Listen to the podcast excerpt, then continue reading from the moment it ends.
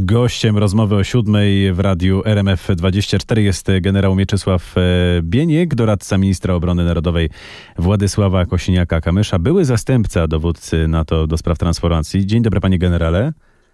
E, dzień dobry państwu, dzień dobry panu. Wojna Rosja-NATO w 2025 roku to jest realny scenariusz?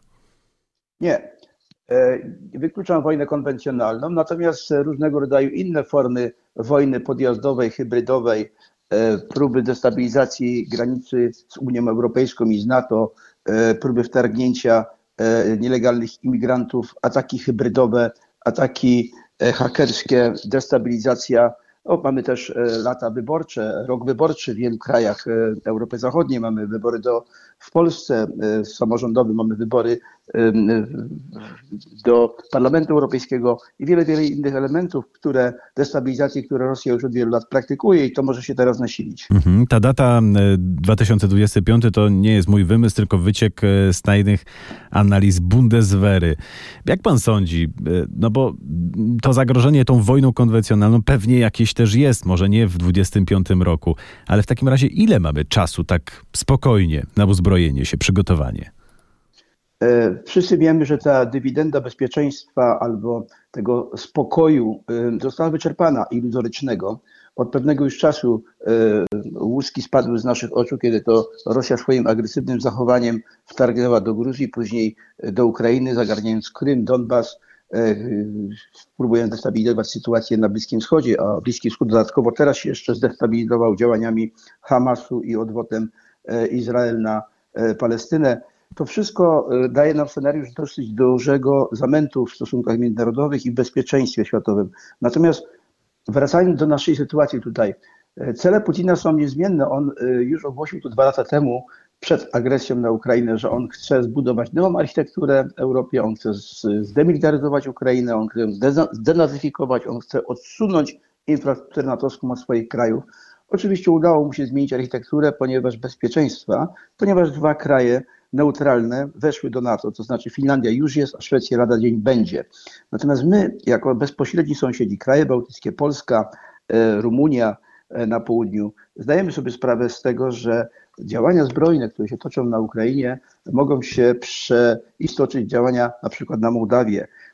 I musimy tutaj umacniać swoje systemy obronne poprzez po pierwsze budowanie własnych wiarygodnych sił zbrojnych, co robimy.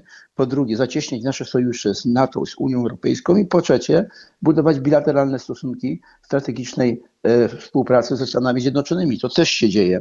Rosja wie, wie o tym, Federacja Rosyjska o tym wie, że zaatakowanie jednego państwa natowskiego to jest zaatakowanie 31 państw. No właśnie, tu jest pytanie. Jaka powinna być tak. E, na przykład polska reakcja na wypadek, gdyby no, Rosja zaczęła w jakimś sensie atakować być może Łotwę, bo mówi się, że to tam ewentualnie mogłoby się to cokolwiek e, rozpocząć. Czekamy na decyzję NATO, czy my, jako tutaj lider tego regionu, ruszamy do przodu? Pamiętajmy, że NATO oprzyrządowało wszystkie państwa albo wszystkie kierunki zagrożenia, tak zwane plany regionalne, one się nazywały kiedyś ewentualnościowe. Te plany mówią, co, kiedy, w jakim kierunku i w jakiej ilości ma przyjść na wzmocnienie E, sojusznika, bo w pierwszym etapie to te państwa muszą same przyjąć to uderzenie na siebie, ale one nie są od razu same, bo tam są przecież rozmieszczone, jak pan wie, jak państwo wiecie, na tej flance wschodniej grupy bojowe, batalionowe grupy bojowe, które będą, które mają możliwość błyskawicznego wzmocnienia się. I tam nie jest, to nie jest tylko żołnierz estoński, litewski, łotewski czy polski, tam są Amerykanie, Brytyjczycy, Duńczycy, Niemcy. To by było uderzenie właśnie w te państwa, mhm. czyli w Sojusz Północnoatlantycki. To nie zostanie bez odpowiedzi. I Federacja Rosyjska zdaje sobie z tego sprawę, bo przecież takie państwa jak kraje bałtyckie, one nie mają głębi strategicznej. Wtargnięcie na, na głębokość 150-200 kilometrów w zasadzie pozbawia te państwa możliwości obrony swojego terytorium. Do tego nie możemy dopuścić i do tego się przygotowujemy, między innymi systemy dalekiego rażenia, które państwa e, natowskie posiadają. Lotnictwo strategiczne, lotnictwo myśliwskie, stacje radarowe, które wykrywają i ewentualnie system rozpoznania satelitarnego, który e, wykrywa ewentualne zagrożenia, pozwala na wykonanie uderzenia, że tak się wyrażę, nie pozwalającego na wtargnięcie na terytorium naszego, naszych państw. E, te ćwiczenia, które teraz się toczą, chciałem pragnę uspokoić wszystkich, Street Fast Defender, które się rozpoczęły, one będą trwały do maja, to nie jest tak, że od razu 90 tysięcy żołnierzy natowskich się będzie przewalało przez nasze kraje i kraje Europy Zachodniej. To jest e, ćwiczenie, które ma pokazać, że jesteśmy w gotowości, że mamy możliwości wzmocnienia swoich sił, narastania tych sił, przerzutu tych sił i zaopatrzenia, bo widzimy dzisiaj, że wojny na Ukrainie system logistyki, wsparcia logistycznego, zaopatrzenia jest elementem, bardzo istotnym elementem walki. Oczywiście Do tego sobie za chwileczkę też e, wrócimy. Natomiast, e, panie generale, poprzednia władza mówiła, że realne zdolności, no, w jakimś sensie oczywiście, odpierania armii rosyjskiej Polska osiągnie gdzieś między 28 a 30 rokiem. E, jak pan sądzi, to była, czy to jest jakaś realna data, kiedy no, będziemy mogli powiedzieć, że już jakby na tyle się dozbroiliśmy czy uzbroiliśmy, że możemy tutaj stawić czoła? No wie pan, proces modernizacji sił zbrojnych, ich wyposażenia, treningu e, i e, e, osiągania gotowości to jest procesem ciągłym, bo na przykład stan liczebny sił zbrojnych, no, w ustawie o obronie ojczyzny jest przewidziany na 300 tysięcy, ale dlaczego nie 350 albo na przykład 250? To wszystko zależy od naszych możliwości bojowych, od naszych możliwości, powiedzmy sobie, osobowych, ale również od budżetu, którym posiadamy, ale pamiętajmy, że my nie jesteśmy sami. Jeszcze raz podkreślam, że jesteśmy w sojuszu, ale z drugiej strony musimy stworzyć nasze możliwości obronne i ten proces modernizacji, jak powiedziałem, wyposażenia, treningu, szkolenia jest procesem ciągłym. Nie ma dzisiaj armii na świecie, która jest w 100% zmodernizowana. Nawet armia amerykańska ma 70% sprzętu bardzo nowoczesnego, 20% takiego mniej nowoczesnego, a 10% takiego, który już tam gdzieś w zasobach jest mhm. do utylizacji bądź do przekazania komuś tam. Także my ten, ten proces oczywiście będziemy osiągali stopniowo. Wiele rzeczy już się zrobiło, ale wiele rzeczy trzeba rzeczywiście uporządkować, żeby to nie przypominało wielkiego placu budowy, jak było do tej pory bez kierownika. No właśnie, teraz wchodzi nowa ekipa, czy weszła już do resortu obrony, no i słyszymy, że jest y, jakaś zmiana podejścia do tych koreańskich kontraktów. Czy tam y, będzie jakaś zmiana, będzie jakaś y, rewizja tego? Przede wszystkim e, opieramy e, cały nasz plan modernizacji technicznej o system, system planowania obronnego i programowania oraz o budżet. I w tej chwili plan modernizacji technicznej, który, który, który jest e, priorytetem do systemu zakupowania, także sobie decydenci występowali i na Twitterze pisali, dzisiaj kupimy 150 dział, mhm. jutro kupimy 200 samolotów, a bojczo jeszcze 300 czołgów. To wszystko musi być oprzyrządowane w tak zwany system systemów, doktryna, organizacja, bo przecież musimy nałożyć ten sprzęt kupowany na coś, na jakieś oddziały, które, które chcemy w to wyposażyć, prawda? I ten przegląd modernizacji technicznej w tej chwili ocenia priorytety. One są już, one są już wyodrębnione, to robi Sztab Generalny i Ministerstwo Obrony Narodowej. Decydenci zapoznają się z tym i akceptują to wszystko w ramach posiadanego budżetu, a budżet jest bardzo duży. Na ten rok mamy 118 miliardów złotych, a z funduszu modernizacyjnego razem to mamy około 150 miliardów. To jest mm. olbrzymi pieniądz. Pamiętajmy o tym, że są jeszcze inne działy gospodarki narodowej, które również potrzebują finansowania. Natomiast ja myślę, że ekipa, która w tej chwili przejęła stery w Ministerstwie Obrony Narodowej, zdaje sobie dokładnie sprawę z zagrożeń i na pewno będzie to wszystko dokładnie przeglądane i nakładane na struktury, nie zapominając o tym, że chcielibyśmy również pobudzić polski przemysł obronny i zmobilizować nasze zakłady do, do podjęcia produkcji częściowo opartej na własnych technologiach, ale częściowo z wykorzystaniem technologii tych zachodnich. I to też. To jest oczywiście chwalebne, dzieje. ale panie generale, czy te koreańskie kontrakty będą jakoś renegocjowane, czy czy może macie one, ochotę one po prostu są, skasować pewną część tych zamówień? Nie pociągnie mnie pan tutaj za język, żebym powiedział konkretnie, ile czołgów, e, ile haubic będziemy e, negocjowali. One są, one są już częściowo zawarte, częściowo są realizowane i na pewno decyzje, które zostały podjęte, te e, w tym stopniu, które możemy w tej chwili zrealizować, nie będą cofane. Natomiast była też, były rozmowy, ja nie, ja nie jestem tutaj w toku tego, tego procesu. Niemniej jednak mogę powiedzieć. Panie generale, a jaka jest w, w alternatywa? Francja, Niemcy, jeszcze więcej sprzętu ze Stanów Zjednoczonych? No, e, jakby pan spojrzał na, na kierunki, no to kierunkami jest e, naszego tutaj partnerami są największymi Stany Zjednoczone. No i jeśli byśmy tak popatrzyli teraz na ten ostatni, przedostatni etap, no to była Korea. Ale generalnie musimy być kompatybilni z sojusznikami zachodnimi. Pamiętajmy o tym, że w czasie walki zużywa się sprzęt, potrzebne, jest, potrzebne są części zamienne. My mamy w jakiś sposób kompatybilność ze sprzętem zachodnim, bo wszystkie kalibry, które używamy, 155 mm haubice, armaty i tak dalej, to ten kaliber jest, jest, jest powszechny i my również produkujemy tą amunicję. Chcemy zwiększyć ilości produkcyjne naszych zakładów przemysłowych. Natomiast no, pamiętajmy, że wojna nie jest wojna. Działania zbrojne nie są e, odizolowane. One muszą być e, w połączeniu z możliwościami produkcyjnymi i zaopatrzeniowymi logistyki. Także kierunek generalnie mamy na przykład obronę powietrzną. Jeśli popatrzymy na, obronę, na systemy obrony powietrznej i przeciwrakietowej, no to jest wiadomo, że to jest kierunek e, amerykański, mhm. kierunek tutaj zachodni. Mamy współpracę zarówno z Wielką Brytanią, jak i ze Stanami Zjednoczonymi. Lotnictwo, Stany Zjednoczone, systemy radarowe, Polska i Stany Zjednoczone, bo ten system ICBS-u, który będzie systemem do zarządzania polem walki, jeśli chodzi o obronę przeciwrakietową, jest systemem amerykańsko-brytyjskim. Także tutaj widzimy współpracę, no i oczywiście polskim, bo Polska w tym ma również, polski przemysł obronny ma również w tym e, swój poważny udział. A proszę powiedzieć, czy w jakimś obszarze możemy być no, w miarę spokojni? Czy każdy z tych pięciu rodzajów sił zbrojnych wymaga wzmocnienia, uzbrojenia, dozbrojenia? No tak jak powiedziałem, pole walki przyszłe ewentualne nie jest y, odizolowane. To są działania wspólne i połączone ze wszystkimi rodzajami sił zbrojnych.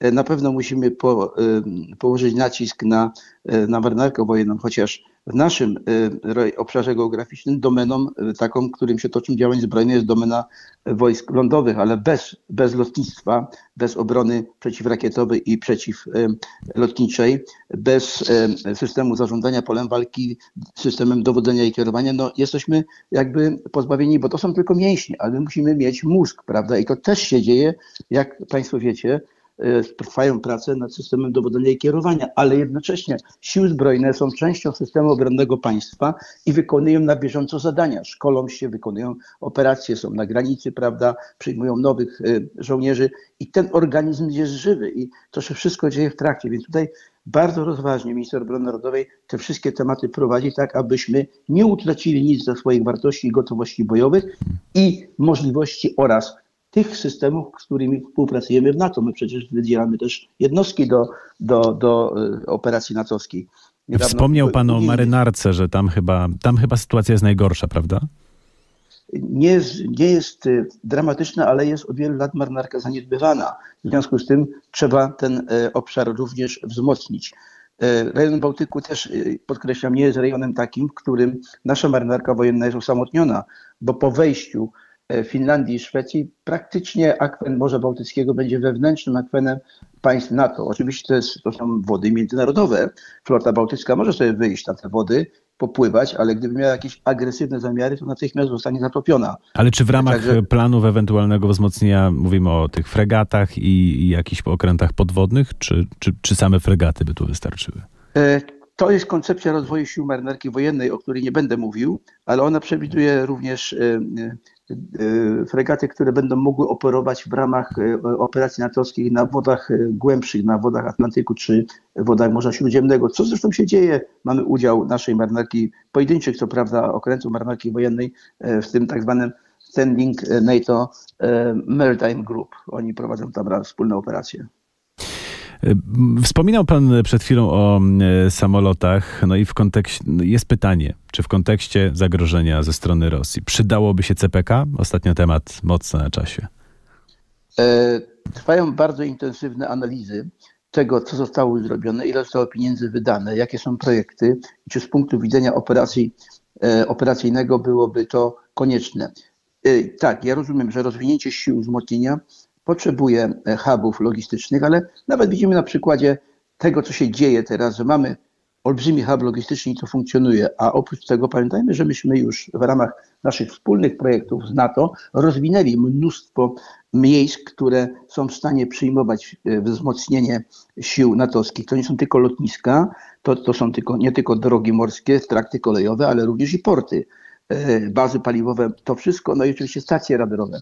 Może dla szeroko pojętego społeczeństwa to nie dotarło, ale z funduszu tak zwanego NATO Security Investment Program myśmy e, wspólnie z NATO zrobili wiele projektów, które, które częściowo, właściwie 50% było finansowane przez Fundusz Wspólny natowski. I to wzmacnia nasz system obronny. To jest tak zwana infrastruktura NATO, która przybliżyła się do państw granicznych z Federacją Rosyjską po to, żeby w razie ewentualności była w stanie zaopatrywać nasze siły i nie tylko nasze, ale siły, które przyjdą na wzmocnienie. No niedawno mówił e, o tym były szef sztabu generalnego Rajmond Andrzejczak w kanale Zero. Był no, całkowicie przekonany o słuszności tej inwestycji e, Centralnego Portu Komunikacyjnego. Właśnie w ja, kontekście e, militarnym. Ja nie mam takich możliwości i wiadomości, jak miał generał Andrzejczak.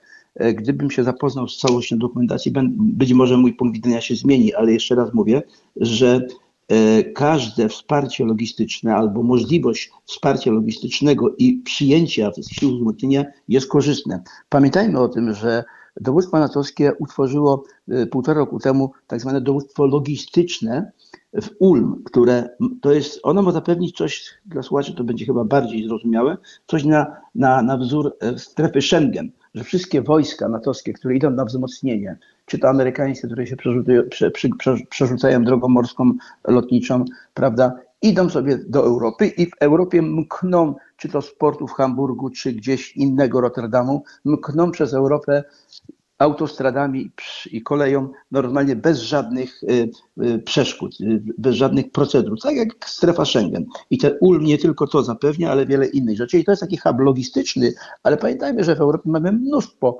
portów lotniczych o dużej możliwości przepustowości, z których bardzo dobra komunikacja jest do Europy Wschodniej. Panie generale, mamy pytanie e, od e, słuchaczy. Co z tymi Heimarsami? Będzie 500, jak zapowiadał Mariusz Błaszczak? 500 to jeszcze nawet nie mają a, a Stany Zjednoczone. No Będziemy tak. mieli wojska rakietowe nareszcie. Ale może będzie Polska. Polska. Będziemy mieli wojska rakietowe i artylerii. Himarsy będziemy stopniowo przyjmowali i nakładali je na struktury organizacyjne, które utworzymy, a więc e, dywizjony, brygady artylerii, czy to w dywizjach, czy na szczeblu korpusu, który też się tworzy, korpus polski, warto o tym wiedzieć. E, artyleria dalekiego zasięgu jest bronią odstraszającą, tak jak nadbrzeżne dywizjony artylerii, które również już mamy i funkcjonują już od wielu lat. E, I dobrze, że je będziemy mieli. Stworzyliśmy również szkołę artylerii, bo to przecież pamiętajmy, że trzeba wyszkolić fachowców. To nie jest taki guslik, który ładuj, odpal, tylko to jest elektronika. To trzeba znać nie tylko e, matematykę, geodezję, prawda, wiele innych rzeczy skomplikowanych. W Toruniu mamy szkołę specjalistów, która w tej chwili rozwinęła skrzydła. Mamy instruktorów i polskich, i amerykańskich, którzy szkolą już przyszłych artylerzystów na te zaawansowane systemy walki i będziemy je wyposażali do dywizji ogólnowojskowych, czyli zmechanizowanych i pancernych. Podobno mówi się, że będzie tych Heimarsów znacznie mniej. Ja słyszałem o liczbie około 130. Nie wiem, czy może pan potwierdzić. Nie mogę potwierdzić, ale nawet już taka liczba byłaby liczbą imponującą, która pozwoli Oczywiście do tego jest potrzebna e, amunicja, żebyśmy pamiętali. E, bardzo droga. Oczywiście nie będziemy od razu strzelali z tej amunicji, bo mamy amunicję ćwiczebną do tego i symulatory. E, dobrze, że ten proces został zainicjowany i będzie on realizowany stopniowo. Nie zapominajmy o budżecie budżet, w ramach tego budżetu już zostały pewne zobowiązania podjęte, które musimy wypełnić i ten budżet zostanie uszczuplony, ale z tego budżetu to jest nie tylko e, modernizacja sił zbrojnych, dobrze to się dzieje i zakupy to jest 30% ogólnego budżetu, ale to również szkolenie bieżące, naprawy, remonty, e, emerytury, e, płace i tak dalej. To jest, to, jest, to jest cała skala tego wszystkiego. Nie jestem finansistą, ale Państwo sobie możecie wyobrazić, jaki to olbrzymi jest koszt. Panie generale, czy powinniśmy się zacząć szkolić? Myślę o takim podstawowym przeszkoleniu wojskowym. Powszechna obrona, o tym Pan mówi. Mhm. Bardzo dobrze, że Pan dotknął tego tematu, bo to wiąże się również z obroną cywilną i z ustawą o zarządzaniu kryzysowym, która chyba się dopiero tworzy teraz, ponieważ ona została, zapisy o zarządzaniu kryzysowym i ustawie zostało lekko zapisane, lekko dotknięte w tej ustawie o obronie ojczyzny. Powinniśmy, powinniśmy się szkolić e, i taki przedmiot jak edukacja dla bezpieczeństwa, który chyba został też zapisany. E, chyba mówię, bo nie jestem pewien, czy Ministerstwo e, Nauki e, ten temat podejmie w szkołach, bo to jest taka podstawowa wiedza o samopomocy, o udzielaniu pierwszej pomocy, o zachowaniu się w wypadku bombardowań, wypadków awaryjnych, postawy strzeleckie, sanitarne, terroryzoznawstwo. Takie podstawowe rzeczy powinny być obowiązkiem, nie tylko obowiązkiem, ale powinny być zainteresowaniem każdego młodego człowieka, tak jak to jest w Szwecji, Finlandii czy wielu innych krajach, bo później to może służyć. Nie każdy musi być w wojsku oczywiście. Mhm. Mamy dobrowolną służbę wojskową i tutaj również uspokajam, że nikt nie myśli o tym, aby był pobór yy, yy, powszechny. Ja Państwu pragnę powiedzieć, że pobór został tylko zawieszony. Na czas kryzysu i wojny decyzją prezydenta może być odwieszony. Także tutaj ten czas, który mamy od momentu odwieszenia poboru do wejścia takiego ewentualnego rekruta do akcji, to, to będzie przynajmniej 6-7 miesięcy, żeby go przeszkolić. Popatrzmy na Ukrainę. Do walki, kiedy się rozpoczęła wojna dwa lata temu, do walki wyszło 180 tysięcy. Dzisiaj walczy tam prawie milion. 960 tysięcy. Kto no to, właśnie, bo wie pan, w wspomnianym kanale Zero generał Andrzejczak powiedział, że sprawa tego przeszkolenia to jest dla polityków, szczególnie gorący kartofel. No bo jak tu ludziom powiedzieć, wie pan, że muszą na nie wiem jak długo, ale powiedzmy tydzień, czy miesiąc, czy więcej wyjechać, żeby nauczyć się i tak pewnie absolutnych podstaw na wypadek wojny. E, no wie pan, e, nie wiem, co miał generał Andrzejczak na myśli, czy miał powszechne przeszkolenie. To znaczy, wyobrażam że... sobie, że myślał, że mm, należałoby coś takiego wprowadzić, należałoby to wprowadzić w życie, ale nikt z polityków tego nie zrobi, no bo przecież straciłby poparcie, gdyby. No tak, zgadzam się, miał na myśli pewnie powszechny pobór, ale jeśli już miałby być powszechny pobór, to bez sensu jest miesiąc, bo się w wcześniej miesięcy nic nie nauczy, niczego. To, to, to samo się nauczy podstawy edukacji dla obronności młodzieńca, który chodzi do gimnazjum czy do liceum, prawda, i on będzie to jeszcze robił z większym zapałem, prawda?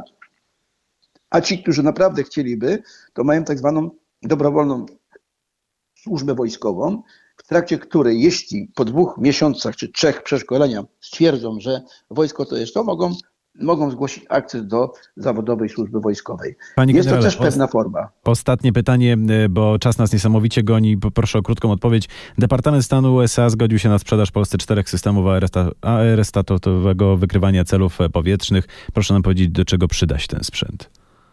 E, to jest wykrywanie powierzchniowe.